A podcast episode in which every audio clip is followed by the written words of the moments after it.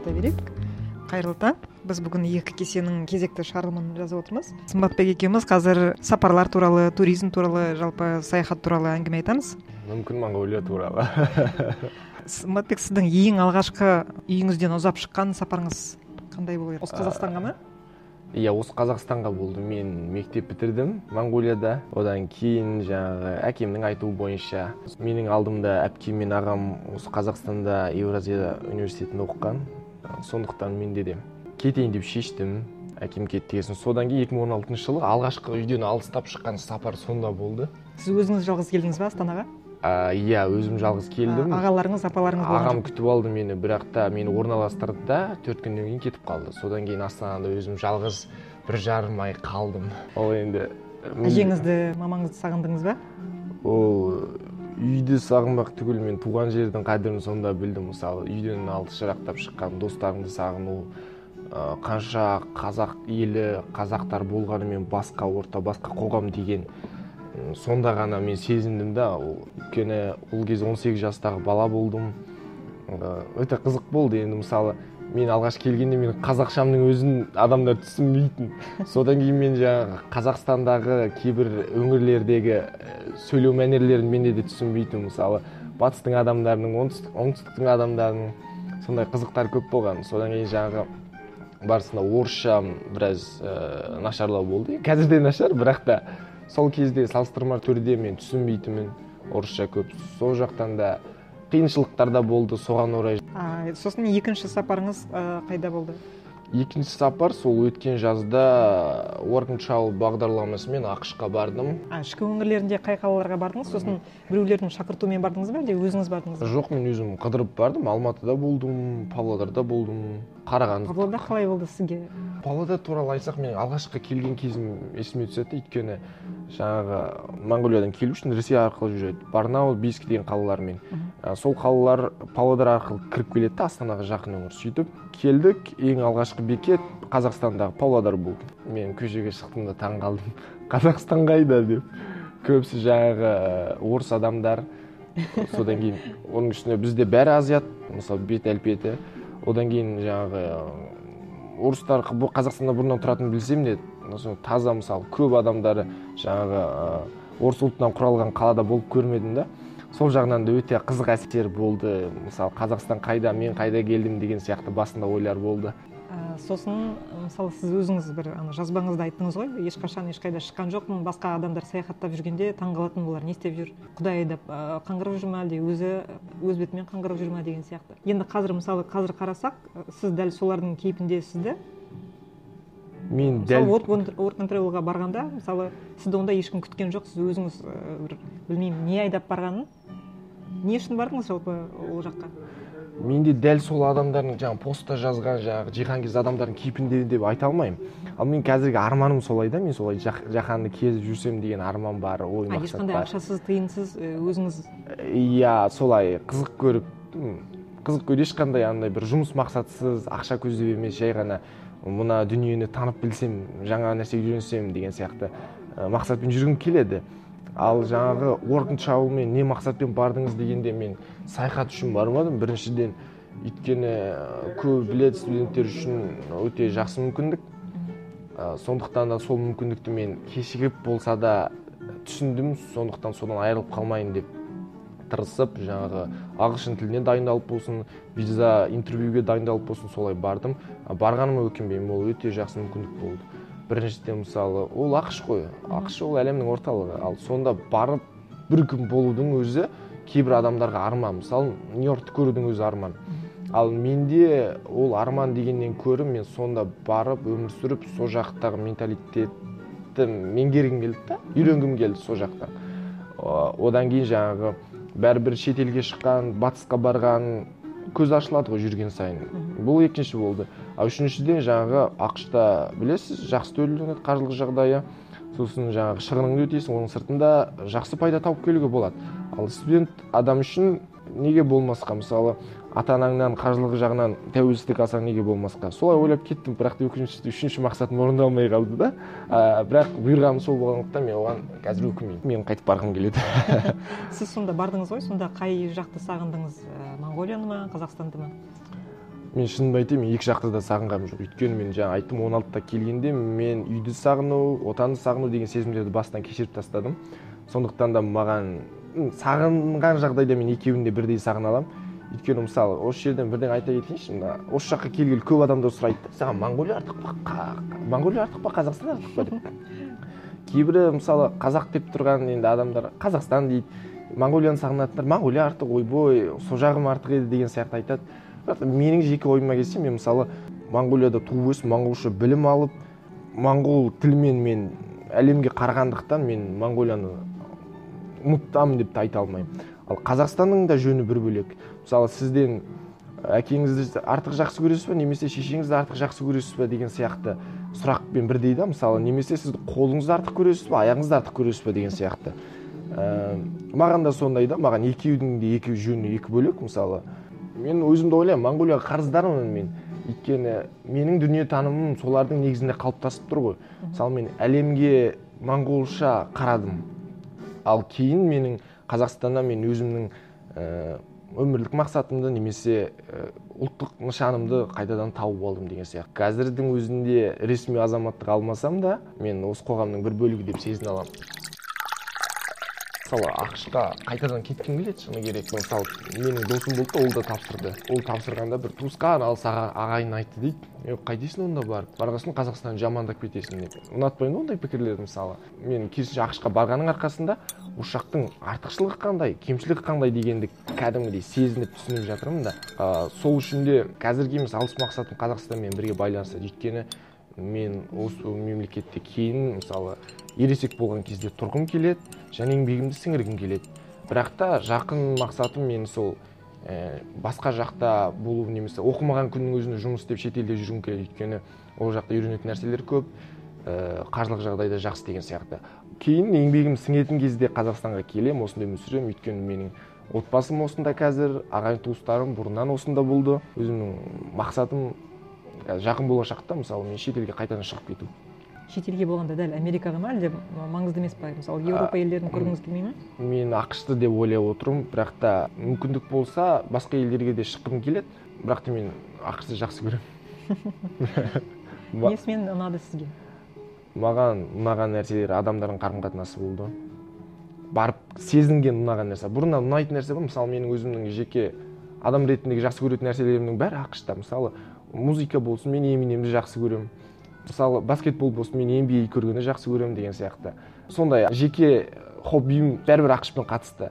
Ал мен өзім барып сезініп ұнаған нәрселерді айтатын болсақ адамдардың қарым қатынасы өте жақсы. Сол нәрсе маған ұнады.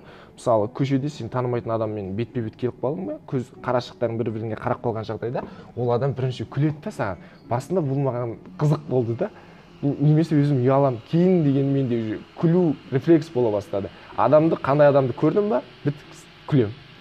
Енді осы жаққа келгелі көп күлейін десем тағы адамдар қате түсініп қаламын деп ойлаймын. Бірақ ұнаған жері сол адамдардың қарым қатынасы мысалы. Саған тимек түгілі жақын келіп қалған жағдайда кешірім сұрап нету өте шығады. Кәдімгі амандаса салады. Таңертең мен мысалы бізде j one дейміз ғой жаңағы уоркинг барған студенттердің басты көлігі велосипед. Сонымен кетіп бара жатып мысалы оқыстан бір адамға қарап қаласың ұят болып қалады ғой сөйткен жағдайда ана адам түк қымсынбайды күледі да how are you немесе good morning деген сияқты амандаса салады. Содан кейін бір қуанатын нәрсе сондай болды қандай күшті деп. Сол маған бірінші нәрсесі. А, мысалы тамағына басқа да бір тұрмыстық қажеттіліктеріне бейімделе алдыңыз ба? Мысалы су ұнайды біреуіне ауасы ұнамайды біреуіне. Кейіннен бейімделдім басында біраз біртүрлі болды. Өйткені жаңағы тамақтары шынымен біртүрлі мысалы нақты натуральный емес деген сияқты мәселелер бар. Бірақ та соңында бейімделіп кеттім. Бір қызығы жаңағы доңыздың етін жемейін деп бір фастфуд желісі болды. Сонда чикен вермонтер деген тағам болды да ол. Чикен болғасын мен онда не жаңағы бейкон дейді сол доңыздың еті болған болмайтын шығар ол енді халал шығар салыстырмалы деп жеп жүрдім он күн бойы бара салысымен ең соңында он күннен кейін дәл содан шықты да содан кейін басында шок болды сондай білмейтін жағдайлар көп болды тағам жағында ал былай қарайтын болсақ мысалы біз бұрын түсінетін мен мысалы мамам айтатын да ақш та бәрібір жаңағы чикендерді тауықтарға егеді өте э- экология жағынан несі тағамдар нашар деп. Ал мен барып ондай нәрсе көрмедім. Бір жақсысы алдап сатпайды тауарларды. Супермаркеттерде тұрады. Вот мынау гмо. Мынау натуральный. Гмо ның бағасы арзан ала беріңіз. Натуралын жегіңіз келсе бағасы осы осында алуыңызға болады. Деген сияқты. Анық та ол жерде. Сондықтан да тамақ жағынан мәселе болды деп айта алмаймын. Керісінше сонда жұмыстағы мысалы жейтін тағамдарды қазір сағынып жүрмін. Ә, бір айтатын нәрсе жаңағы ақш әлемнің орталығы дейміз. Әлемде ең қуатты экономика болғандықтан жаңағы бүкіл тауарлар сонда ағылады. Соның ішіне жаңағы азық түлік тағамдарының түр түрі барады. Мысалы мен істеген супермаркетте мен таңғы жұмыс менде супермаркетте болды. Ол келге келетін тек қана жемістер жеміс тауарлары әлемнің түкпір түкпірінен африкадан оңтүстік америкадан азиядан барады да. Соны қарасам азық түлік жақсы жаңағы сол жақтың табысына салыстырмалы түрде арзан тиеді. Мен малайзияда болғанда бір жарым ай болдым. Сол кезде кәдімгі нан бар ғой. Өзіміздің сол нанды қатты сағынғанмын. Өйткені олардың ұнынан бауырсақ пісіріп та көрдім бәрібір де болмайды. Дүкендеріндегі жаңағы нанын алсаң біздікіне ұқсамайды. Кішкене сәл қағаздың ба бір дәмі сияқты болды. Сосын сүт болды магазиндерде бір америкадан алдырған сүт бірақ ұнтақ қосылған сүт сияқты болды да. Біздің кәдімгі сүттің дәмі шыққан жоқ. Сосын үйренгенше өзі біраз уақыт кетті. Сосын ана үндістердің кухнясы болады ондай чизнан деген болады да андай біздің не сияқты шелпек сияқты. шелпек сияқты иә. Иә. Сондайды үйреніп алдық та. Кешке дейін сол ана үндістердің кафесіне барып нан жеу үшін. Сондықтан ойладым кішкене қиындау болатын шығар деп сосын біздің мысалы дәріханаларда еркін сатыла беретін мысалы гигиеналық құралдың өзі кейбір нелерде магазиндерде супермаркеттерде болған жоқ. Дәрігердің нұсқауымен сатылады дегенде кейбір дәрігердің нұсқауымен а бізде ол еркін да сатыла береді да. Ол жақта ондай болған жоқ. Сосын сондай бір кішкене аздап қиындықтар болған. Иә ол, қиындықтар басында болды мүмкін мен ұмытып қалған шығармын мысалы. Жаңағындай жағдайлар болды. Мен барып бара сала қаланы бара сала екі үш күн жатқан қонақ үйде таңертеңгі таңғы асты жейтінмін жаңағы саусаж ол не ғой шұжық бар ғой иә, иә. кішкентай. Соны жемедім да сосисканы иә. сол ғой. Ә, жемедім керісінше не жұмыртқа жеп жүрдім да. Бір күні мен сол сол кейін мен сол ә, не қонақ үйде істей бастадым да. Сол кезде істегенде таң қалдым. өйткені ол жұмыртқа жұмыртқа емес болып шықты менің көзіме өйткені қараңыз мынандай пакеттегі сүт болады ғой. Иә. Сондайдан құяды да қуыра салады. Сол жұмыртқа болып шығады да. Қарасаңыз ол бәрібір жаңағы химикалық иә. амалмен жасағандықтан ол маған ұнамады да. Мен ойладым кәдімгі жұмыртқаны шығарып кәдімгі былай қуыратын шығар деп. Ең табиғи осы жұмыртқа шығар деп ойладым. Иә жақсы сол шығар деп өз арасында сол көп тағамнан таңдап жегенім де сол болатын содан кейін. Сол ұнамады енді басқа несі жоқ. Мысалы еті нашар болады деп көп адамдар айтады. Мен барғанда ыыы етінде көп айырмашылық сезбей қалдым. Өйткені мен жас болдым ба маған тамақ бәрібір болды ма жоқ ұнағаннан ба. Мысалы мен жаңа айтып отырмын көп қаржы таба алмадым деп. Шығынымды ғана өтеп келдім да. Осы жақтан келісіп кеткен компанияның жұмыс берушілер мені ар жақта лақтырып кетті. Ол енді бір жағы өз қателігім бір жағынан солай болып қалды. Мысалы сонда барған студенттердің арасында ең бір бағы жанбай қалған мен болдым да. Есесіне қазір менде тәжірибе көп. Сол жақта жаңағы жұмыс көп ауыстырғандықтан мен әртүрлі нәрселер көрдім мысалы. Мен басында хаускипер болып қонақ үйде істедім кейін жаңағы супермаркетте болдым сол супермаркетте тұрақты істедім да. Ә, бізде сменамен жұмыс істейсің ақш та толық күн істей алмайсың толық істесең фулл тайм дейді да. Сол компаниямен кәдімгі үлкен контрактіге отыру керексің. Ал бізге жеке джей ондарға болғанда екі сменамен жасауға мүмкіндік бар. А түнге болмайды. Мысалы деген джей он деген визаның атауы содан кейін сол визамен барған біз сияқты студенттерді төрт айлық визамен барған джей он деп атайды.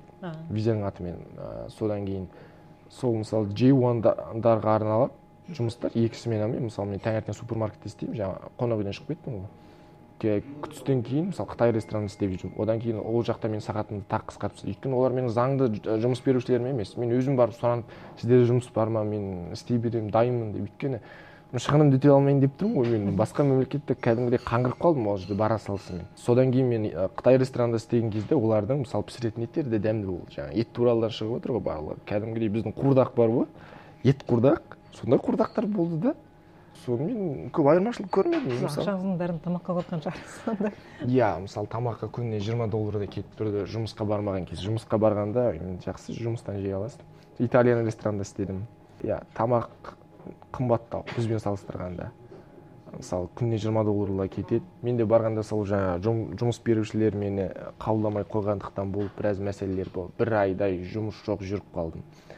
Сол кезде нағыз жаңағы саяхаттың басқа мемлекетке шығудың көкесін көрдік та. А сіз қанша қаражатпен шықтыңыз осы жақтан мына жақтан жалпы сол бағдарламамен бару бүкіл шығыны төрт мың доллар төрт мың жарым доллар. Соны мен сол қалама бардым. Массачусетс деген штаттың фалмут деген қаласы болды. Сонда бардым жаңағы жұмыс берушілер ой жоқ сені қабылдамаймыз ғой саған айтпады ма? дейді да. Өйткені ол менің өз қателігім болды. Ол бер жақта фулл сервис деген бар. Компания саған жұмыс тауып береді. Ал мен болғанда өзім тауып селф арранж дегенмен алып кетті солай мәселе болды ойлаңыз енді. Қазақстанға келгеннен басқа шетелге шығып көрмегенсің алғаш рет батыстық мәдениетті көріп тұрсың алғаш рет ақш қа барып тұрсың ағылшының да дұрыс емес. Айдалада өзім жалғыз қалып қойдым да. Содан кейін сол кезде өмірлік сабақ болды қиналдық біраз жұмыс іздеп жұмыс сіз жоқ. қайда тоқтадыңыз? Ы, қонақ үйде болдыңыз ба әлде хостелда болдыңыз жоқ ба? мен ііі үй жалдап бір бөлме жалдап тұрдым. Ол ы, андай барбершоп болды соның үстіңгі этажында. Жаңағы фейсбукпен тауып алғанмын ғой өзім жақсы болды. Ол адамдар негізі жақсы. Сол басында содан болып қиналып қалдым. Содан көңіл күйден түсіп кеттім да біраз. Енді оңай емес. Шығынды өтей алмайын деп тұрмын. Үйге өте ауыртпалық салып кеткен адам. Солай болды содан кейін жұмыс таба алмады енді мен не істеймін деп вот сол кезде мен қазіргі күзге жоспарлар құра бастап подкасттыңдар тыңдай бастап өзімді түсіне бастап таба бастадым да. Әйтпесе сол берген ең үлкен сабағы сол деп ойлаймын мен осы программаның маған. Сол қиындықтың өзі маған қазір пайдасын тигізіп жатыр деген. Мүмкін сонда мен жұмыс істеп жақсы ақша тауып келген болсам мен қазір соның буымен қазір ештеңе істемей жүріп қалатын шығармын. Соның арқасында мен мысалы ұшақтан түсіп үйге барып бір қонып келдім. Ұйқысыз жүремін да қазірге дейін. Өзім дизайнмен айналысамын сол жұмыстарды дұрыстап атқарайын деп. Мен кім болдым енді не істеу керек деген сұрақтарға сол жақтан жауабын таба алдым да. Ең көп сол өмірлік сабақ болып тұр ақшасынан бұрын. Өйткені көрген білгенім ол мен үшін өте қымбат нәрсе болды сол жақта мысалы. Ойлаңыз жұмыс жоқ таныс жоқ бір қалада жалғыз. Не тілің дұрыс емес сөйлескің келе ма көсіліп әлде жоқ мен жоқ менде мысалы мен өте ашық адаммын байқап отырсаңыз. Көп сөйлесемін адамдармен көп сөйлесіп жеткенде мен өзім қалып қоямын да. Ал сол жақта жалғыз өзім төрт ай бойы тұрғанда немесе бір ай бойы қиналған кезде керісінше мен кері бұрылып өзіммен сөйлесе бастадым да мен өзімді түсіне бастадым сол кезде. Мен кіммін не істеуім керек не істеп жүрмін қайдан келдім қайда барамын деген сияқты сұрақтарға жауап аз да болсын таба алдым. Сол берген пайдасы сол ғой. Ал мен бұрыннан ашық адам енді ондай сөйлесетін адам қажет болды ма деген сияқты мәселелер менде болған жоқ. Өйткені мен ашықтықтан жалығып кеттім да.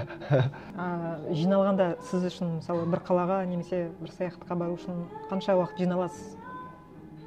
Жарты күн бір сағат екі сағат бір күн? бір күндей жиналу керек. Мен біраз баяу қозғаламын да сосын. Киімдерді ыңғайлау керек мен бірінші оның бәрін нақты ойлап бару керек. Сосын елестетемін да ана жаққа барған соң сөйтемін бүйтемін. Сонда барамын сонда жүрсе солай болса сонда киім киемін суық па ыстық па деген сияқты көп ойланамын біраз. Мамам ұрса сен қыз сияқты деп бұрында андай көп нелер алып алатынмын. Сумка үлкен сумка. Қазір ғой үйреніп жаңағы ақшқа кеткеннің өзінде мен бір киіммен ғана кетіп қалдым. Бір киіммен? Иә бір киім дегенде қалай? Жаздың бірнеше киімдері бар. Енді жалпы джинс шалбардан болсын сондай бір киіммен кетіп қалдым да. Өйткені әпкем бұрын сонда болған. Жеті жыл бұрын соны айтты. Керек емес жүк болады мысалы нью йоркта жүрген өте қиын чемоданмен деп. Аз кеткен мен қазір сол аз жүкпен көп жерді аралау қызық маған. Мен көп жүкті киім ауыстырып жүргеннен қарағанда. Көп сапарға шыққан сайын сосын сумкаң жеңілдей бастайды да. Мысалы бұрын көбірек шықсаң мысалы мен бұрын жарты күн жиналатынмын ананы аламын мынаны аламын деп. Қазір болады кейде бір мысалы сапарларға бір шақырғанда немесе өзім шығатын кезде жаман әдет шығар мүмкін қатты сеніп қаламын да өзіме бір сағаттың өзінде жиналамын деп. Кейде кешігіп қалған жағдайлар болған сондай. Сосын қолыңа не түседі соны жылдам жылдам ала саласың да бастысы құжат ақша болды.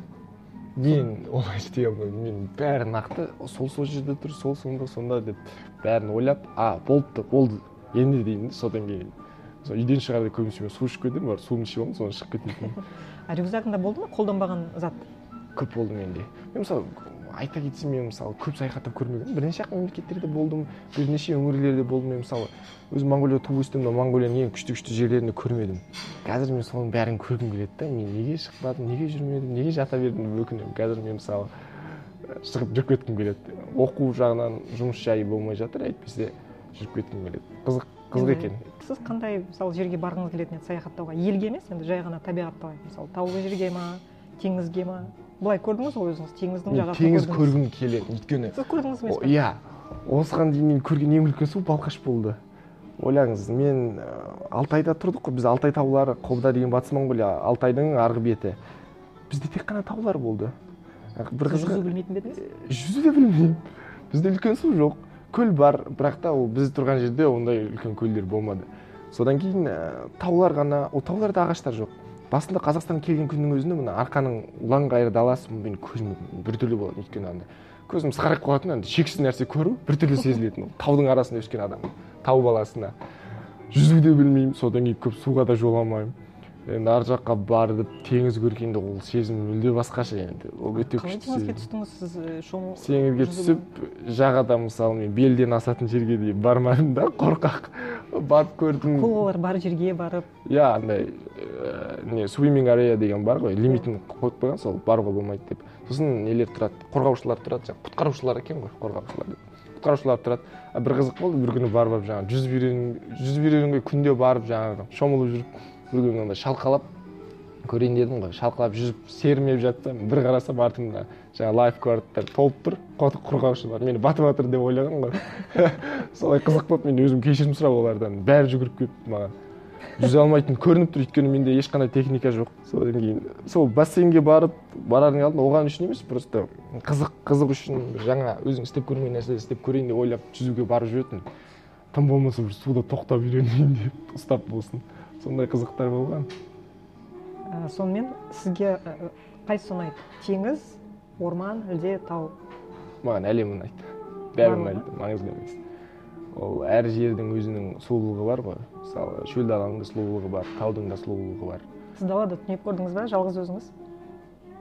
Жалғыз өзім емес мен топпен түнеп көрдік. Мысалы бізде мектепте біз походқа кетіп қалатынбыз поход дейді саяхатпен. Бірнеше күнге иә бірнеше күнге машина жалдап қобдадан қобдадан. Негізі біздің алтайдың табиғаты жақсы таза күшті сол өзендердің жағасына күшті күшті жерлерге кетіп қалатынбыз.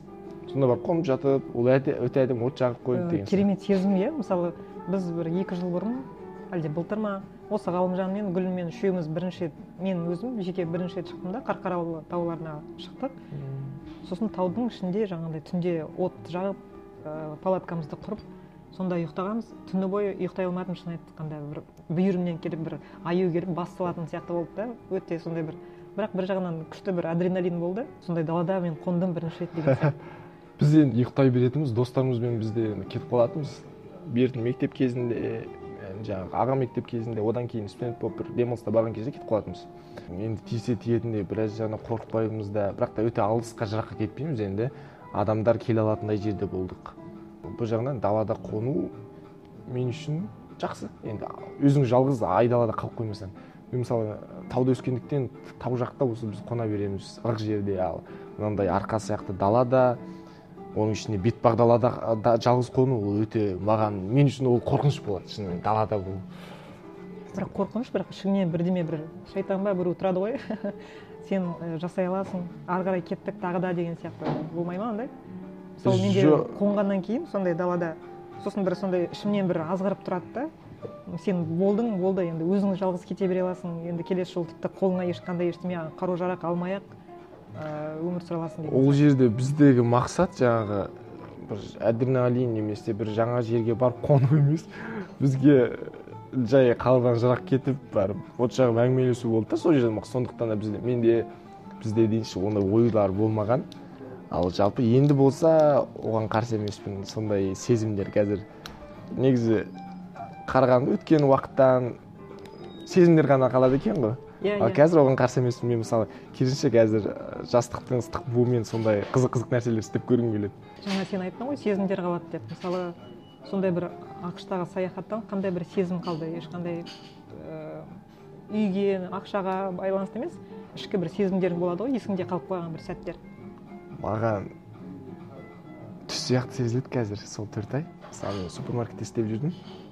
Подкаст тыңдаймын ол подкасттар ақш та оқитын монғолиян студенттері туралы болды. Шіркін мен солай барып оқып ақш та жүрсем ғой деп ойлап кетіп барамын да. Ойлап кетіп бара жатамын да. Қараймын айналам бәрі ағылшындар супермаркеттің іші үлкен е мен ақш та жүр екенмін ғой деп күліп сөйтетінмін да. А сол сезім маған өте қатты жақсы бір жағынан бақыт сыйлайтын. Е мен ақш та жүрмін ғой деп мысалы ол жерде мен қиналып жүрсем де дұрыс ақша таппасам да жарайды мен ақш та жүрмін ғой. Мысалы бұл біреуге мүмкін арман. Ну осында жүрмін ғой деп өз өзімді жұбататынмын да бір жағы. Бірақ сол сезім әлі есімнен кетпейді.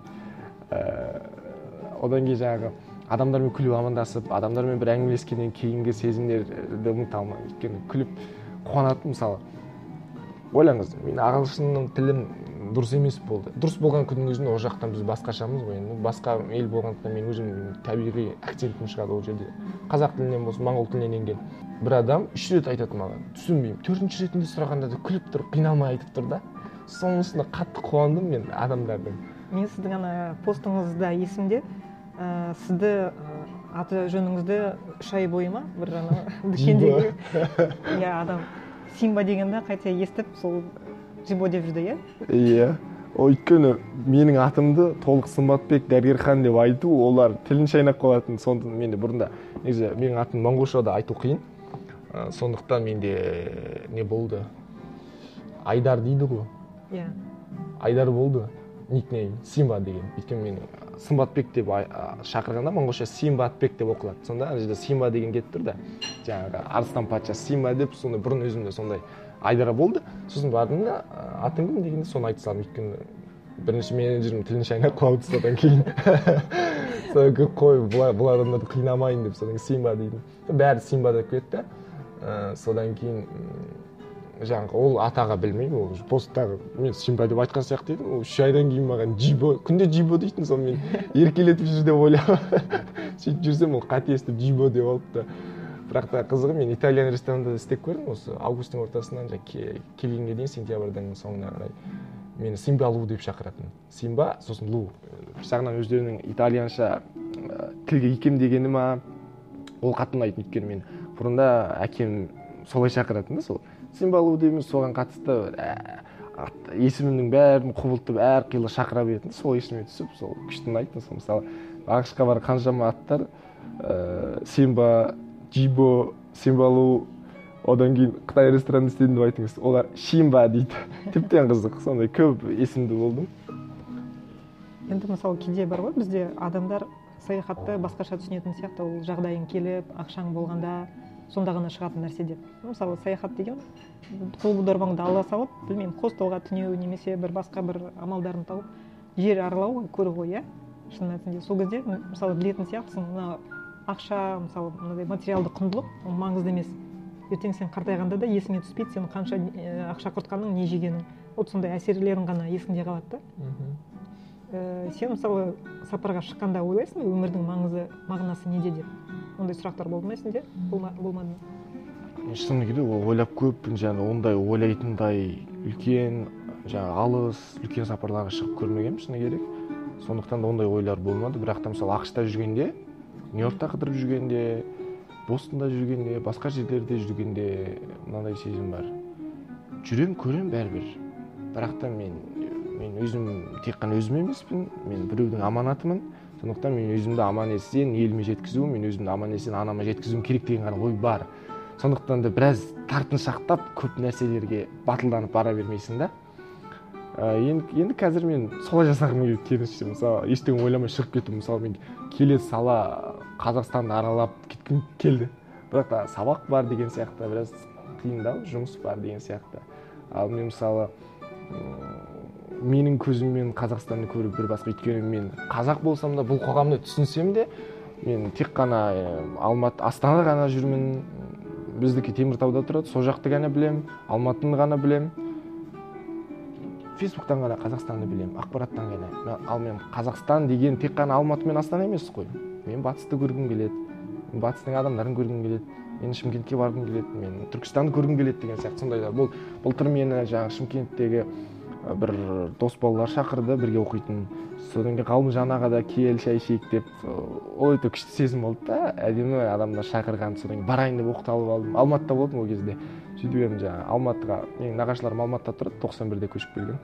Сол кісіден бір нағашы ағам айтты қайтесің қаңғырып сен бізге үйде бол жылына бір келгенде деген соң жаңағы үлкен адамның сөзінен өтпейін деп. Қалғанмын қазір сонымен соларды көргім келеді. Өйткені мен өзім жаңағы әкеммен із- ізім- ізімен жүріп келе жатырмын деп ойлаймын. Кішкентай болса соны менің әкем 2002 жылы дүниежүзілік қазақтардың құрылтайында болған түркістан қаласында. Соның суреттері бар мен. Бала күнімде соның суреттері о мына жерге мен де барсам ғой деп.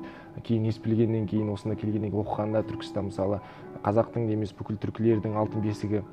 Ал ол жерді мен де көргім келеді. Ал каспийді да көргім келеді мысалы. Батысқа барғым келеді. Бір қызығы ойлайтынмын мен бұрында. Қазақстан туралы көп көп білесің деген біздің үйден қазақстан арнасы шыққанның өзі біздің менің қазақстан туралы көзқарасым әсер етті әдемі бәрі жақсы ұлттық арнада сияқты деп ойлайтынмын бірақ та бір кішкентай басқашалау болды. Бірақ та ол мәселе емес. Менде музыка көп тыңдайтынмын мысалы менің сүйікті әншім бекболат тілеухан деген кісі болды. Мен жаңағы қазақша жетіспейтін нәрселер маған сосын терме со- сондай сарын әндер көп тыңдайтынмын соны жаңағы бұ- қайранда менің еділім деген ә, жыр бар ғой қазтуған жыраудың Иә. соны тыңдайтынмын да. Күшті ана жерде. Қарға бойлы қазтуған әкеміз біздің сүйіндік күйеуді барып барған жұрт деп бақасы қойдай шулаған деген сияқты нелер. Күшті одан кейін ә, жаңағы бекболат ағамыз да қандай жақсы айтады. Ана әнді айызын қандырып тұрып сол әнді тыңдап мен еділді мен қазақстанда екен деп ойлайтынмын. Сол сол сол еділге барғым келетін.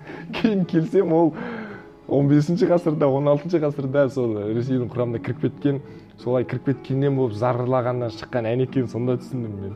Сол сияқты мысалы алатауды көрдім бірақ та оның алатаудың жаңағы шарынды болсын көргім келеді. Содан кейін мен алтайды көргім келеді қазақстанда. Бірінші маған қазақстан мен моңғолия қызық болып тұр. Өйткені өзімізді мен жақсылап аралап алсам кейін шетелге шығып тағы көремін өйткені салыстыратын иә, жағдай болады осында.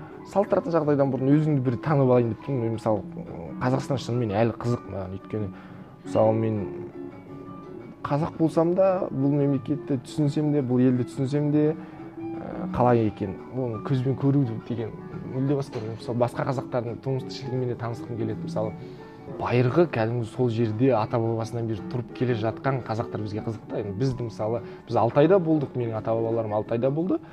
Ә, қазіргі қытайдың кейін моңғолияға көшкен. Ал сонда мен сол алтайды көруде маған қызық. Сол сияқты байырғы қазақтар мекендеген қазір де сол байырғы қазақтар тұрып жатқан сол жерді көру маған өте қызық болып тұр. Мысалы не бар? Торғай даласы мысалы. Торғай даласын да көргім келеді мен мағжанның басында мен қазақша оқығаным жоқ қазақша кітаптарды оқығаным жоқ. Содан кейін келіп басында мен керісінше мен қазақшамды жақсартуға тырыстым ғой. Қазақша сөйлеу дебат клубқа барып немесе қазақша кітап оқу деген сияқты. Қазақша өлең оқу деген сияқты. Сонымен мағжан жұмабаевты жақсы көремін. Сол кісінің жаңағы батыр баян деген жырында басында бурабайды керемет суреттейді ғой. Иә иә. Мәссаған бурабайға барғым келіп болмайды. Ана қиялдап. Сосын мен болмай жатып сол өзімнің группамды тобымды ертіп бардық қой бірге. Солай барайық деп күш бермей жатып апайымызға айтып жатып бардық. Әдемі сезім болды ол. Көңіліңнен шықты ма сол батыр баяндағы көкшетау мен көкше мен өзің көрген көкше? Қалай болды? Сексен пайыз. сексен пайыз? жиырма пайызы мағжан жұмабаевтың жаңағы несі шығар? Бейнелеуі шығар әсіре бейнелеген шығар. Әлде мүмкін қазіргі мысалы құрылыстар мүмкін адамдар кедергі жасады ма қабылдауыңа мүмкін өйткені мен оқжетпестің қиясында деген шығармасын оқығанда ана кене оқжетпестің астына барып тұрғанда кенет бір жел болып көзін жұмып аша қалса оқ, не жаңағы оқжетпестің үстінде тұрады ғой бір Иә. шал көрінеді деген шығармада. Солай мен солай кенені кездестіремін ба немесе сол шалды кездестіремін ба деп қиялға беріліп тауға өрмелеп кеттім өзім жалғыз. Жаңағы оқжетпеске жалама тас болғандықтан шыға алмадым. Иә сол мен адамсыз жерге шығып кеткім келді бірақ та ол жаққа енді астананың қасындағы жалғыз адамдар барып демалатын курорттық зона болғандықтан ол жерде аз адам болуы мүмкін емес иә. Бірақ кейбір нәрселер табиғатты біраз ластап кеткендер болды көңілге тиетіндер. Тасқа аттарын жазып деген сияқты болмайтын нәрселер болды. Бірақ та сезім жақсы өйткені бурабай әдемі болды сол шығармадағыдай болды. Қуаныштымын сол үшін сол үшін. Осыны тыңдап отырса менің достарым группаластарыма рахмет айтқым келеді. Бірге барғандарың үшін соны көрсеткені үшін. Жалғыз жалғыз барғанда не істейміз? Барып бірге қону керек деген сияқты. Солтүстікте болмадым бірақ енді батыс пен шығыс пен оңтүстік мүлдем әртүрлі да. Климаты адамдардың мінезі тіпті қаласының өзі де құрылымы да мүлдем басқа. Мысалы өткен жолы ақтауға бардым бірінші рет. Ақтау мен ойлағаннан әлдеқайда жақсы болып шықты да. Адамдары бірақ мүлдем ұқсамайды мен күнделікті көретін адамдарға. Сондықтан ә, бару керек шығар мүмкін оңтүстікке әсіресе шымкентке иә бірақ та бір қызығы бізде менде қа- қай жақтың адамдары қандай екенін менде түсінік қалыптасып қойды өйткені. Астана тоғыз жолдың торабы ғой. Әр жақтан адамдар келеді да осы жақтың адамдары осындай келеді екен. Батыста нән дейді екен қойшиш дейді екен оңтүстікте қойсай дейді екен деген сияқты түсініктер болды әйтпесе мен басында келгенде жаңағындай сөздерді түсінбейтінмін акценттер қиын болды. Да біздің де мысалы басқа бар. Біздің де ерекшелік бар. Бізге де моңғолшадан енген сөздер бар. Моңғолшадан тікелей аударған сөздер бар. Біздің де сарын бар. Мысалы қарап отырсаңыз менде де басқаша бір сарын бар сөйлеуімде. Сондықтан да ал жалпы адамдардың қандай екенін білесің? Енді сол жерге барып көріп сол сезімді сезіну басқаша деп ойлаймын мысалы. Мысалы ақтауға барсам сізде ол акцент кішкене акцент емес сол сарын азайып кеткен ау деймін. Иә. Өйткені мен құралайды естігенде бірден байқадым да бір тұнық нағыз қазақи сөз болды онда. Сосын ойладым алтай жақтан келген қыз шығар бұл деп. Сөйтсем ол алтай емес монғолиядан екен бірақ таза қазақи сақталған да кәдімгідей. А сізде ол жойылып бара жатқан сияқты. Кәдімгі қазақстандықтардың бірі сияқты болып кеттіңіз қазір. Иә мүмкін. Өйткені мен ііі орта әсер етеді ғой бәрібір де сол көбінесе сол өзіңіз сияқты өзіңіз сияқты деген қалай? Енді сіздің шәкірттеріңіз жас журналистермен араласамын солармен ой бөлісеміз деген сияқты. Содан кейін жаңағы сабақта мысалы мен бірінші курста м, пікірсайыс ойнадым сол кезде. Мен бірінші курстағы шынымен сарыным қазір мүлде басқа. Өзгердім ол бәрібір де орта адамға әсер етеді. Сондықтан да әсер етпей қоймайды. Сосын орысша да білмеймін деймін да мен орысша сөздер көп қолданамын иә? Соны көп мазақтайды иә. енді ол ортадан енгенде соны айтып тастасаң адамдар тез түсіне салады деген сияқты. Ал бұрынғы сарынды шынымен жоғалтып барамын. Мен түсіндім шамамен бекболат ағаның неге сізге ұнағаны өйткені онда да бір қазақи сақталғанда әсіресе өлең айтқан кезде ол акценті да жоқ бұрынғы таза қазақи сақты да сөзі мәнері. әнші ретінде ол кісіні өте қатты жақсы көремін. Маған да ұнайды өте иә бір сирек бір термелерді тыңдасам міндетті түрде плейлистімде иә. Анау мен бала күнде ең алғаш естіген әндердің бірі жаңағы әкем түркістанға келіп жаңағы неге қатысып содан кейін кассета ғой ол кезде. Кассета үйге алып барып соны көргенде жаңағы сол құрылтайда енді елбасы да болды нұрсұлтан назарбаев. Одан кейін жаңағы бекболат ағамыз да болды. Сол жерде неткенде ана жерде ана елім менің айтып отыр да и соның клипі сол жаңағы бейнетаспада сақталған. Мен елім менің деген әннің клипін көріп ана естіген кезде делбені қоздырып. Қазақстан деген мемлекет бар екенін білмеген білмесем де ал бір сезім өйткені өте кішкентай болдым бес жаста болдым ба. Сол кезде алғаш а осындай бір ел бар екен ғой оның бізге қатысы бар екен ғой деген түсінік сол кезде қалыптасып сол алғаш тыңдаған әнім елім менің деген ән болғандықтан өте қатты ұнайтын. Одан кейін жаңағы алғаш келе қалған кезде э, өте андай маған мен өзім мысалы мен моңғолдармен жүрдім мүлдем мен мысалы дінім тілім болмаса мен моңғол бола аламын. Түріміз де ұқсас ол мемлекеттің мен азаматымын достарым бәрі ортам сол. Мен моңғолша ойлаймын деген сияқты болды ал содан мен келгенде мен керісінше сол қазақылық жағыма қарай бет бұра бастадым да. Былай термелер тыңдап поэзия оқып кітаптар оқып деген сияқты. Бір жылда екі жылдай солай өтті. Ал қазір мен мысалы найнти тыңдаймын деген сияқты ғой. Қызық екен онысы қайтадан америкаға оралайық. Мысалы болды ма? Сол кезде жай ғана енді қазақ қана емес ә, моңғол немесе қазағы или қазақстан қазағы ғана емес ол жаққа барғанда азия халықтарымен ә, тұтасып бір туыстығыңды сезінген жағдай болды ма? Әрине. Мысалы сен олар үшін мысалы олар қазақстанды білмейді бірақ ә, жалпы сені ойлайды да қытай ма әлде иә азия иә ма? ол ол біріншіден одан бұрын мен мына нәрсені айтқым келеді өйткені мен жаңағы өзімнен үлкен адамдарға сэр сэр деймін да. Иә. Сол бір күні бір адам айтады кәрілеу елудің үстіндегі адам. I'm not sir, I'm John дейді да. Содан кейін мен таңқалып не дерімді білмей қалдым да. Мен мырза емеспін менің атым джон дейді да.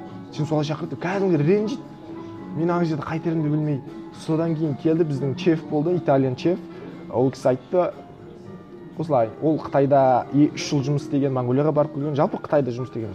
Айтады азияда өзіңнен үлкен адамға сіздеу оның атымен шақырмау ол өте үлкен сыйластық. Сондық үшін бұл баланы түсініңіз дегендей түсіндіріп берді. Вот көрдіңіз бе біздің азия халықтарының ерекшелігі шығыс халқының ерекшелігі жаңағы үлкенді сыйлау деген бір күшті жақсы нәрсе болып тұр да. Ал сол мені қалып қойғанда мен барамын да ана адамдарды атымен шақыра алмаймын. Өте қызық.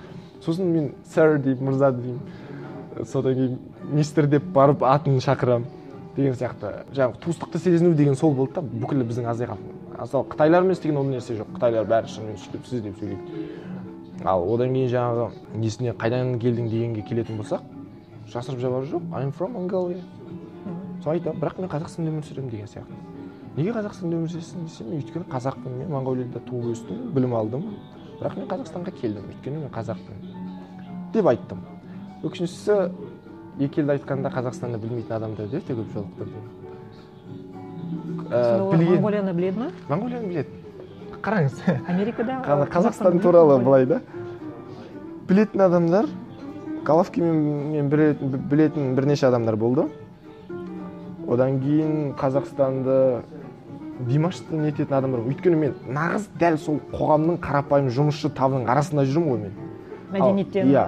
ешқандай байланысы жоқ иә? Жоқ байланыс байланысы жоқ иә интеллигенция емес. Иә. Кәдімгі олар американың халқының арасында жүрмін. Ал эксперттер интеллигенциясы біледі онда ел барының қандай екенін ал сол адамдардың көзқарасын айтайын да қазақстан десең білмейді. Ал білетіндері тек қана борат арқылы біледі да сол кино арқылы мәссаған. Ол киноны мен білмеймін соны қарап көрсем мүлде жаман кино мүлде жаман қара пиармен жасалған екен. Соны жаңағы берік сұлтан деген ағамыз бар ғой ақш та жаңағы казак стайл деген ә, жәнібек әлімханұлы деген боксермен не фейсбукта қарап отырмын. Сол кісі де жазды да борат деген пәледен қазақ айырылмайтын сияқты деп.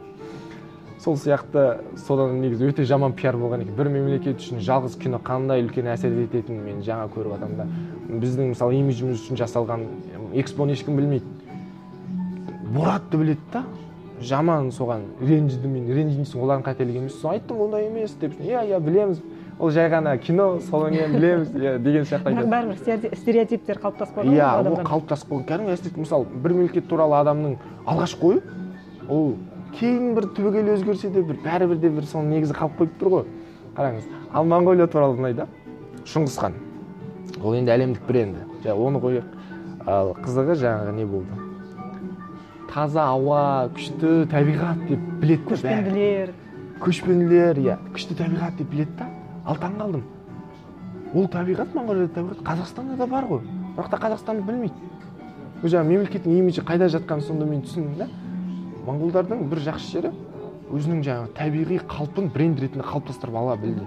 Сондықтан да моңғолияны шыңғыс хан ретінде және де жаңағы күшті табиғатымен ғана біледі. Мысалы бір ә, моңғолиялық бір журналистің жазғанын оқыдым. Әлемде ә, ең танымал моңғол адамы дейді да. Бірінші шыңғыс хан екінші айшолпан дейді. Айшолпанды білесіз ғой иә өзіңіз? бүркітші қыз а, бүркітші қыз сол бренд бола білді да. Соны мен ойлағанмын бі- біздің өзіміз мен мысалы өзім қазақпын қазақстанның азаматымын осы қоғамның бір мүшесімін. Өзіміз мысалы бір өзіміздің табиғи нышанымызға қарай жұмыс істесек мемлекеттерге танылуға болады. Соның бір қызығы мен супермаркетте істеймін тауарлар да бар. Мысалы мен ешқандай қазақ қазақстан деген тауар көрмедім да. Ал сол тауар моңғолияның тауарлары болды. Бірақ ол моңғолияда шықпаған тауар ақшта шыққан ақштың өз тауары бірақ та қараңыз монголиан стайл биф дейді да. Моңғол стиліндегі қойдың еті Ә, одан кейін моңғол стиліндегі көже деген сияқты нәрселер болды да. Мен аны көріп таң қалдым да. Жеп көрдім. Иә кәдімгі ақштың кәдімгі сондай өздерінің еттері бірдей. Ол жаңағы адамдарға ә, ерекшелік білдіру үшін бренд қылу үшін әдейі маркетингтің нәрсесі. Ал қарасаңыз қойдың етін моңғолдар емес қазақтар жақсы пісіреді. Моңғолдар етті отыз минут пісіреді ғой а біз қазақтар күшті қылып кәдімгі ет сорпасын шығарып мықты қылып дәмдеп жейміз ғой. Сондай нәрселер болды енді. Сол сұрайды әлі атпен деген сияқты моңғолияның сондай стереотиптері бар да. Соны қалай келдің деп сұрайды да мен соны сұрай берген соң атпен келдім деді мұхитпен атпен келдім дедім содан кейін. Сол бәрі біледі он екі сағаттық ұшып келетін жол десе бәрі таңқалады бұл адамдар. Америка қазір әлемнің орталығы болғандықтан әлемде не болып жатыр оларға бәрібір олар әлемді өздері ұстайды ғой. Қарапайым тілде айтсақ сондықтан да олар әлемнің орталығы көп елдер туралы білмейді көп ұлттар туралы білмейді. Сол үшін біз оларға өте қызықпыз. Мысалы қазақстанмын десең өте қызық. Ол қандай ел дейді да? Ауғанстанның қасында ма дейді? Стан деп тұрған иә иә иә. Жоқ жоқ ол ә, ресейге де жақын қытайға да жақын сондай бір жер. Біз көшпенді болғанбыз деп солай айтты. Сондай бізде де сондай мықты империялар болған. Ә, кореядан германияға дейінгі аралықты балбал тастармен толтырғанбыз деген сияқты ақпараттарды айтсаң аузын ашады мәссаған деп содан кейін ә, кейбір елдер саяхатшыл келеді кейбір елдер саясатшыл келеді деген бір сөз шығып жатыр ғой. Сол сияқты ойлап көрдім. Содан кейін менде ой болды бізде неге олай емес деген сияқты. Ойлар болды ренжіп мысалы олар күліп амандасса қазақстанда маған ең алғаш келіп паспортын беріп ассалаумағалейкум деп аңқау қазақ паспортын бергенде маған орысша сөйлеп паспортын алдыма лақтырып берген паспорт контрольдағы адам бар да. Ал ақшта welcome to america деген сияқты. Осыны сездіңіз осы сәтті алғаш келген екенсің молодец деген сияқты сөздер болды. Екі елдің арасындағы алғашқы сезімдер сондай болды да. Сосын мен ренжідім. Мен тек қана қазақстанда емес моңғолияда адамдардың психологиясы солай жаңағы. Біздің ксро ның енгізген бір жаман нәрсесі сол ғой отардың берген бізге. Ренжідім да? Біз неге олай емеспіз біз неге адамдармен күліп арамызда қарым қатынас жасай алмаймыз біз неге бір бірімізді ашық емеспіз әңгімелеспейміз деген сияқты ойлар келді.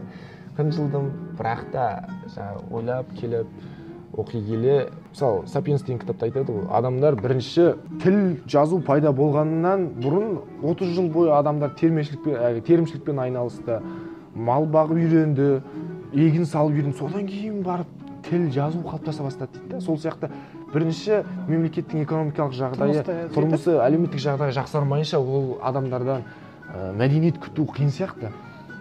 Сондай ойға келіп содан кейін барып сабырға келдім. Иә солай түсіну керек. Бізде жағдай енді жақсы болғанмен біраз экономикалық жағдайымыз нашарлап кетті деген сияқты. Моңғолияда тіптен нашар экономикалық жағдай. Тек қана қытайға байланып қалған өзінде мысалы заводтар аз деген сияқты. Сондықтан да мысалы аш адамда ақыл жоқ дейді ғой.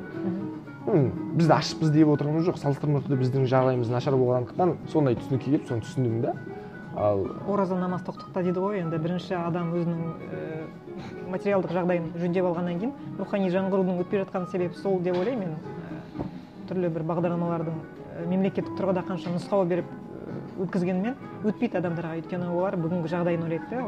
Қалай нан табамын қалай бала шағамды асыраймын деген сияқты. Солай сол бірінші сол экономикалық жағдай көтерілу керек сияқты. Содан кейін барып жаңағы мәдениет қалыптасады. Содан кейін мен сол ақш қа барып түсінгенім мысалы мен бұрын алғаш келгенде барардың алдында мүмкін де қазір менде агрессия бар да. Өзіміздің мен екі мемлекет бар екі мемлекеттің қоғамында деген агрессия бар. Халық сондай мысалы фейсбукта қарап отырсаң қаншама мәселелер бар. Соның бәріне мен қынжылатынмын қазақша сөйлемеді сөйтті бүйтті. Одан бір мәселелер бар ғой. Дін болсын кешеде мысалы шулап жатыр фейсбук. Мен қазіргі ойым оларға мен жазғым келетін мен оларға деген жақсы аргументтер де бар өз ойым пікірім де бар. Маңызды емес оны айтқанмен қандай пайда мен оны фейсбукқа инстаграмға жазып адамдарды нетіп лайк көп жинап содан кейін ойладым мен одан да мен өзімді көтеріп алайын.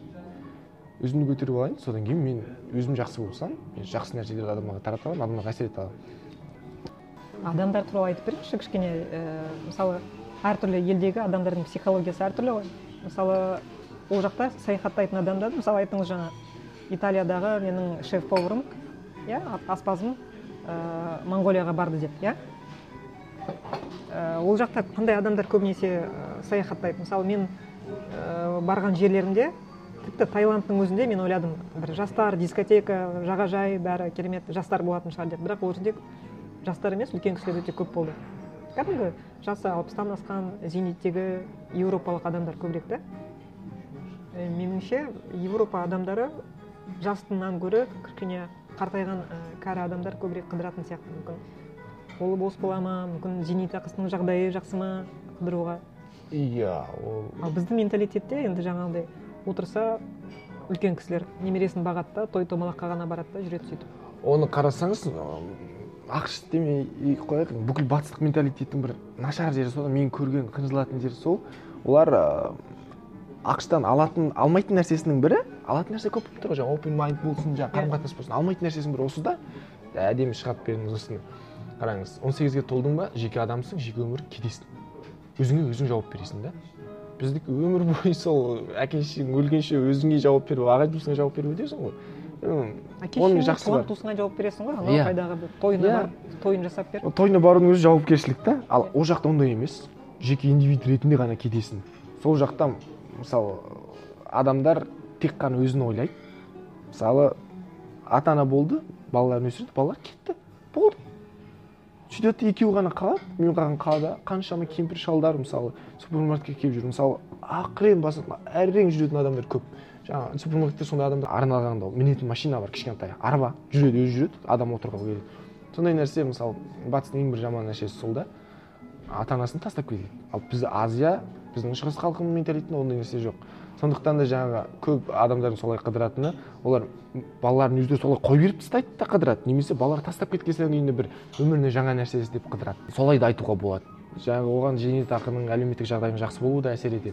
Бірақ та жаңағы негізгі акцент жаңағы ата анасын солай тастап кететіні ол өте жаман болды. Көп адамдар қариялар көмектессең көмектессең жаңағы қуанып сөйтеді да. Ә, менің бір постымды оқыған шығарсыз мүлдем мүлдем оқымағансыз. Мен бір 500 доллар тауып алдым да. Жүріп алдым бір айл дейді ғой ана короче бір секс секс несінде секшнда қарасам бір кішкентай пакет жатыр да мындай дәрінікі сияқты. Барып алып көремін үшін долларда тұр. Ештеңе ойлағаным жоқ жүгіріп бардым неге? Кастомер сервиске ана. Тұтынушылардың сервисіне соны қызмет көрсететін орталыққа өзіміздің супермаркет. Алып барып сөйтемін ана адам таңқалады алып келген санап көрсе 500 доллар да. Өзім де таңқалып қоямын мен қорқып тұрмын мен біреу міреу сен қайдан алдың деп жүр ма? деп соны тапсыра қоямын. Бәлесінен аулақ деп сөйтіп ойладым да. Кейін ойлап отырсам оны мен де қалтама ала салсам да ол менің құқығым болады екен. Бес жүз доллар. Сосын беріп едім. Ана кісі айтады «Ә, бізде заңда бір айдың ішінде күйеуіп алмасаң ол ақша сенікі болады ресми түрде дейді. Жақсы дедім бір жағынан пенделікшілігін ұстап о деп қаласың да. Келмей ақ қойса ғой деп па? Иә. Бірақ та ойлап тұрмын оны қарасам сыртқы упаковкасы бәрібір де ол ақшаны кәдімгідей сақтаған оған қажет ада қажет болған адамдікі екені белгілі тұр.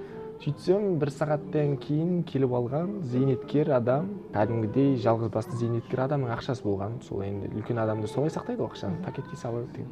Солай болған қатты қуанып рахметін айтып кетті дейді сонымен барып енді біз менеджерлер де рахмет айтып о good job симба деген сияқты. Мен кәдімгідей қуанып қалдым содан кейін. Мүмкін соған мысалы қазақ ретінде мүмкін моңғолиялық ретінде ол адамдарға жақсы әсер қалдырдым деп ойлаймын. Содан кейін соған қатты қуанамын соларды көру мен үшін қазақ баласы үшін сондай адамдарды көру біраз қиындау болды. Мүлде қоғамымыз солай болып тұр да жаңағы. Ба- басқа подкасттарда айтып жатады ақш алмайтын нәрсе жаңағы сол. Ақш бару керек көру керек. Бірақ та сондай нәрселерден алмау керек. екі мың он сегізде мен минуста адам болатынмын. Қарапайым студент қарапайым жалқау сабаққа бармайтын ештеңе істемейтін орташа студент. есепті иә орта есепті немесе ортадан төмен. Он сегіз содан кейін біраз көріп отырсыз ғой сөзімнен көріп отырсыз өлең оқитын деген сияқты. Өлең сондай шығармаға кіріп кеткен мағжанның өлеңдерін оқып мұңайып деген сияқты Романтик нәрселер бар. Иә. Ол мен бір жағынан табиғатым шығар содан кейін он сегізде мен керісінше сол позитивке қарай не бола бастадым. Мысалы өткен шақтағы кейбір мұң деп айтуға қалай енді бір адамның ішкі болады ғой. Сондай соны соны мысалы минустан нөлге алып келдім да позитивке. Енді он тоғызда мен нөлден жоғарылай бастадым құдайға шүкір. Өйткені он тоғызда он сегіздің соңында мен арман әлмемет деген ағамыз бар ғой сол кісінің күнделігін алдым. Болды мен алғаш рет он тоғызыншы жылымды жетістікке жеткізетін адамның күнделігін жасайын дедім. Сол күнделікті алдым да жаздым. Ақшқа барамын. Сөйтемін бүйтемін өзімнің студиям болады деген сияқты жаздым. Құдайға шүкір соның бәрі қазір орындалды да. Сол екі мың он тоғызда өте жақсы жыл болып жатыр. Сондай бір арман иә. де рахмет айту керек иә арман ағаға мен рахмет айтатын адамдар көп. Ііі оны қазір қазір жаңағы күнделікті айтамын күнделікте менің бүгін жаңадан істеп көретін істерім осы айда деген бар да. Иә менде бар ол күнделік иә. Соған мен үнемі жазып жүретінмін. Сонда жаңадан істеп көретін заттарым дейді да соған мен мысалы ойлаңыз мен өмірде театрға барып көрмегенмін қалекиге мен үш рет бардым. Өте күшті сезім болды. Ыыы қызылама деген сияқты қойылымдар мүлде күшті тебіреніп көріп Иә. отырмын да. Одан кейін істеп көретін заттардың ішіне жаңағы жүзу болды. Мүлде жүзбеген адам. Одан кейін не болды? Тағы бірдеңелер болды сондай жаңадан істеп көретін. Мысалы жаңа адаммен кездесемін деген сияқты ма? Сондайлар көп болды да. Қазір мен сонда жаңағы бакет лист деп істеп көретін нәрселердің несінде жаңағы атқа міну атқа дегенде. Айналмалы бар ғой мына ипподромда ма? Ипподромда атпен ақырын жорғаға мініп жорғалап көру қазір енді. Одан кейін боксқа бару деген сияқты. Жаңа сіз айтқан шаңғы теуіп көру. Содан кейін қыста болды мен шаңғы теуіп көрдім. Өтірік айтып барады екенмін ғой. Өйткені зерендіге тағы достарыммен демалысқа барып қалдық ол жазықта ғой иә? Иә жазықтағы кәдімгі шаңғы теуіп көрдім. Күшті сезім болды. Алғаш рет. Содан кейін мен алғаш рет тағы коньки теуіп көрдім. Істемеген заттар еді. Ол біздің жаңағы адам ойлап қалыппыз моңғолияда ондай нәрсе жоқ қобдада болмаған деп. Ол бәрі болды. Жай ғана мен оларды көрмегенмін. Сосын оларды көрдім ай сайын жаңа нәрсе істеп отырдым. Өте күшті болды мықты әсер етті. Сол жұмысым да өз өмірім де қызықты бола бастады. Бұрын жаңағы кәдімгі ортадан төмен адам болсам ортаға жеттім. Енді қазір ортадан асу үшін тырысып жүрмін деген сияқты. Сол енді адамдар көбінесе мән бермейді иә сондай өмірдің жай ғана қызықтарына иә кішкентай нәрсе сол күшті әсер етті сол күнделікті жазып осындай осындай істедім деген кәдімгі жақсы әсер етті соны енді осыны енді тыңдауға уақыты болмайтын шығар. Может сіз айта салатын шығарсыз арман әлменбет ағаға рахмет айтқым келеді сол күнделік үшін. Жаңа осыны тыңдап отырған өзіміздің жаңағы достар замандастарымыз болса сол күнделікті алыңыздар. Немесе сол күнделікті алмасаңыздар да оған өздеріңіз жаза беріңіздер. Мен осындай істеп көремін осындай ақша жинаймын немесе осында барамын мақсатым осындай. Содан кейін жаңағы осындай істеп көрген нәрселерім осындай болды осы жаңа нәрсе істедім өмірім осы жақты қызық болды деген сияқты істеп көрсеңіздер өте қызық екен. Содан кейін тағы бір адамға рахмет айтқым келеді. Жаңағы өзіміздің ә, интернеттегі адамдар көбісі мен келдім да жаңағы қазақша ақпараттар іздедім ғой. Моңғолиядағы маған жетпей қалған нәрсе қазақша іздеуге тырыстым да. Қазнетте қазақша жазатын кім бар? Бәріне мен адфренд басып шықтым ғой. Сіз барсыз арасында кім бар жаңағы? Бәрі бар да. Мысалы майкл шерімбек ағамыздың екі мың он алтыда посттарын оқып мен аузымды ашып о деп кәдімгідей мотивация болып сөйтіп жүріп мен сол адамның бір постын оқып қалдым. Ол адамның өзінің қарындасы график дизайн жүреді екен. Иә. Содан кейін мен садық ағаның қарындасынан график дизайн үйреніп қазір өзім кәсіп қылып отырмын сондықтан да мен жаңағы сол постты маған әсер еткен садық мырзаға да рахмет айтқым келеді. Соны үйреткен садық мырзаның қарындасы раби апайыма да рахмет айтқым келеді. Одан кейін мысалы мен ә, инстаграмға жазу андай мындай деген еліктеген адам өркен кенжебек. Сол өркен ағаға да рахмет айтқым келеді. Жаңағы сол кісіден жазуды үйрендім. Рахмет айтайын десем көп адамдар өзімнің оқытушыларым бар мысалы. Инудағы оқытушылар бар достарым қаншама. Мысалы сен жаз сен жазсаң шығады екен сен қызықтысың деп мен маған өзіме сенімділік сыйлаған қаншама достарым болды жаз деп көмектесіп. Жалпы мен қазақстанға ризамын қазақстан мемлекетінің грантында оқып жатырмын. Жалпы қазір барлық нәрсеге осы позитивіңіз қатты маған да әсер етіп тұр да. Мен де қуанып кеттім өзімен өзім бір рахмет айтқым келіп фейсбукте жазатын адамдарға да бәріне рахмет. Бірақ ә, сол посттарын кішкене мазмұндырақ қылса екен деп ойлаймын. Өйткені сіз сияқты адамдар қаншама бар ғой. Қазақстанның өзіндегі жастары бар моңғолиядағы қытайдағы түркиядағы біздің жастар бар.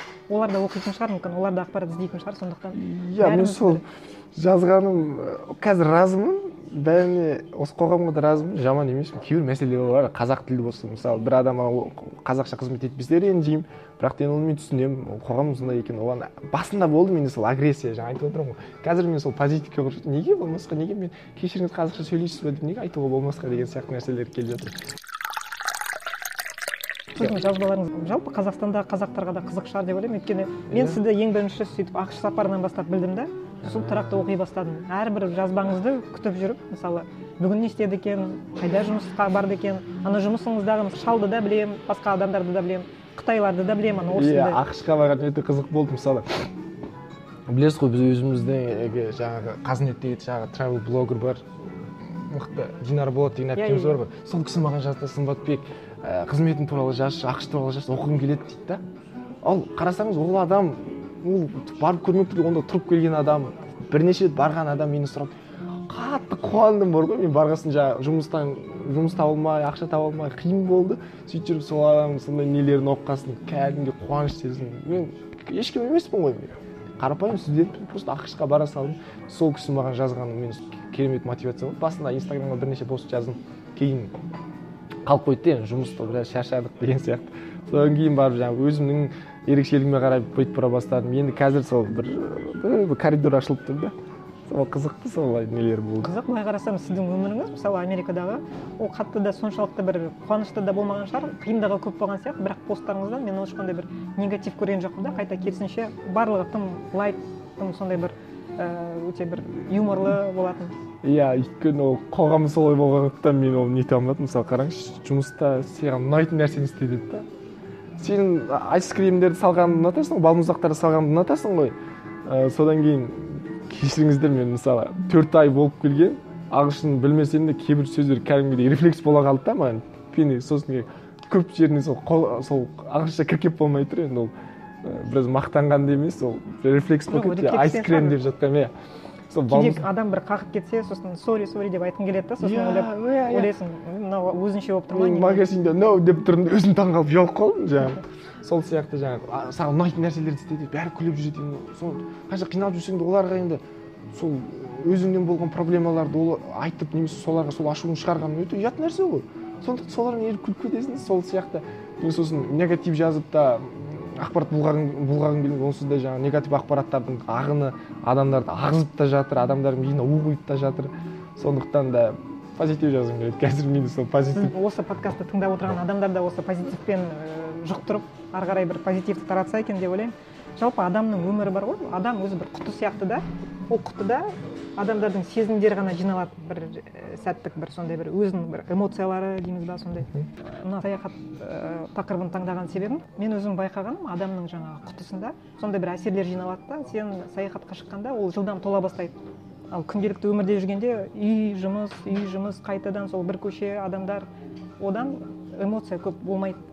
Сондықтан иә. сондықтан адамдар көбірек саяхатқа шықса екен эмоцияны көбірек алса екен сол құтысын толтырса екен сонда бір адамның өзі де қызық болады да бос құтыдан гөрі Иә. қаудырлаған бір эмоцияға толы сіз сияқты жарқырап сөйтіп отырған адамдар болса ол әлдеқайда қызық болады деп ойлаймын. Өйткені мен өзім өте мұң, мұң адам болдым өйткені. Менің мұң? Мұңлы. Елестете сізді қараңызшы мен мұңлы ойлаңызшы мен тып ақшта жатқан ә, ақшта болған жаңағы ежелгі үндістердің қырылып кеткенін ойлап солар музыкасын тыңдап мұңайып жататынмын. Мен қазтуғанның жырын оқып мұңайып жататынмын. Мен өлең оқып деген сияқты ана бір болады ғой сондай нәрселер. Сондай қияли болдым да. Қазақ деп иә ол, ол бірақ та маған неден болды? Жаңағы өзімнің өміріме солай нетті да екі мың он алтыншы жылы мектеп бітіретін кезде мен әкемнен айырылдым да. Содан кейін сондайлар болды. Енді өмірдің бір белгілі бір сондай кезеңі болды да сондай кезеңде жаңағы мұңлы дегенде қалай андай ауыр мұң емес мұқағалидікі сияқты. Енді бір адамның өзі ішкі психологиясы сондай не мәселе өзін түсінбейсің ештеңеге немің жоқ күлмейсің қуанбайсың ештеңеге. Мысалы алғаш келген астанаға ертіп жүрді о ұлттық арнадан о астана дейтін астанаң тіпті қызық емес кеткім келді деген сияқты. Қазір құдайға шүкір өзгеріп келемін да мен. Жыл сайын өзгеріп отырғанына қуаныштымын. Мысалы мен жаңағы әрқашан мысалы қазір хоббиім мысалы интернет диджитал сондай медиа болса а бұрын менде ыыы, не әдебиет поэзия болды. А оның алдында менде моңғолияның тарихы деген тарих деген нәрселер болды да. Солай. Әрқашан хоббиім өзгеріп отырғанына мен қуаныштымын. Себебі саяхат адамды қатты өзгертеді екен. Онда сұхбатыңызға рахмет. Ііі басқа адамдарға да осыны тілейік. Ііі сіздің көргеніңізді көрсін. Қиындықтар деген шын мәнісінде қиындық емес та. Қайта кез келген қиындықтың артында бір жақсы мүмкіндік тұратын сияқты. Тек оны жақсы пайдалана алса иә сол алдағы істеріңізге сәттілік тілеймін. Содан кейін осыны тыңдап отырған адамдарға сол менің мүмкін қажеті болар болмас сол осыны уақыттарыңызды бөліп тыңдағандарыңызға көп рахмет деп айтқым келеді. Өйткені қазіргі заманда уақыт өте алтын. Рахмет. Содан кейін позитивті болыңыздар. Өмірді жақсы көру білу керек. Мен өмірді жақсы көремін. Рахмет рахмет сізге. Сау болыңыздар. Сау болыңыз.